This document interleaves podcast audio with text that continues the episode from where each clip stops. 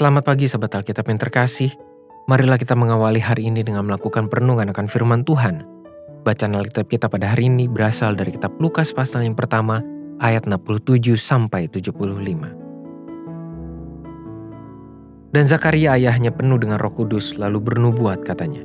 Terpujilah Tuhan Allah Israel sebab ia melawat umatnya dan membawa kelepasan baginya.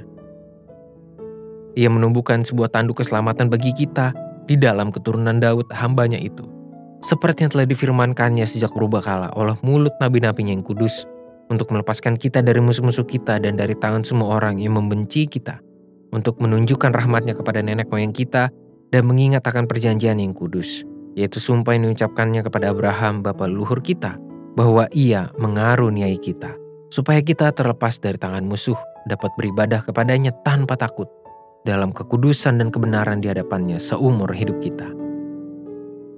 Nyanyian pujian Zakaria yang dicatat dalam Injil Lukas ini merupakan bentuk kesaksiannya sebagai ayah dari Yohanes Pembaptis. Bahkan tidak berhenti sampai di situ, Zakaria yang sebelumnya diperkenalkan sebagai seorang imam juga menjalankan peran sebagai seorang nabi, tepatnya pada saat ia bernubuat melalui nyanyian pujiannya tersebut. Zakaria berkata-kata tentang pembebasan yang sering dikerjakan oleh Tuhan, secara khusus terkait pembebasan bagi Israel dari himpitan musuh dan memberikan kebebasan untuk menjalani bentuk relasi yang lebih tenang dengan Sang Tuhan. Kita perlu mengingat bahwa Zakaria adalah seorang imam bangsa Israel yang sangat akrab dengan segala catatan para nabi tentang nubuatan mesianik. Setelah pengalaman bisu yang ia dapatkan selama beberapa bulan, kini Zakaria pun semakin memahami dan meyakini berita yang telah disampaikan oleh Gabriel kepada dirinya.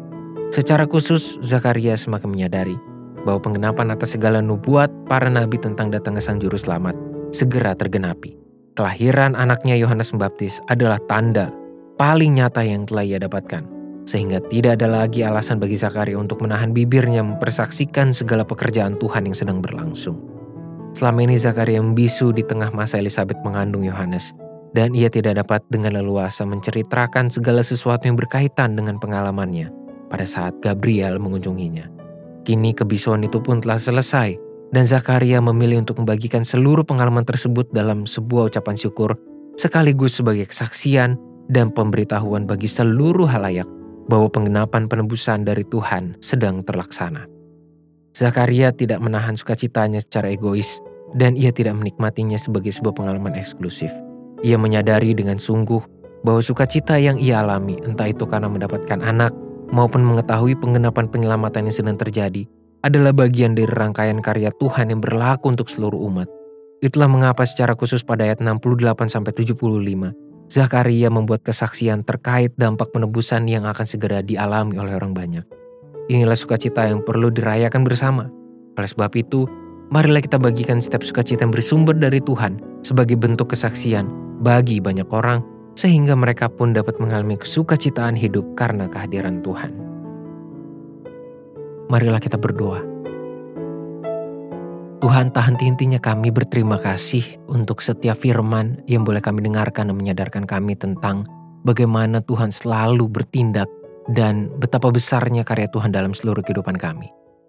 Tolong kami untuk menyadarinya dan membagikannya supaya banyak orang juga merasakan kehadiran Tuhan.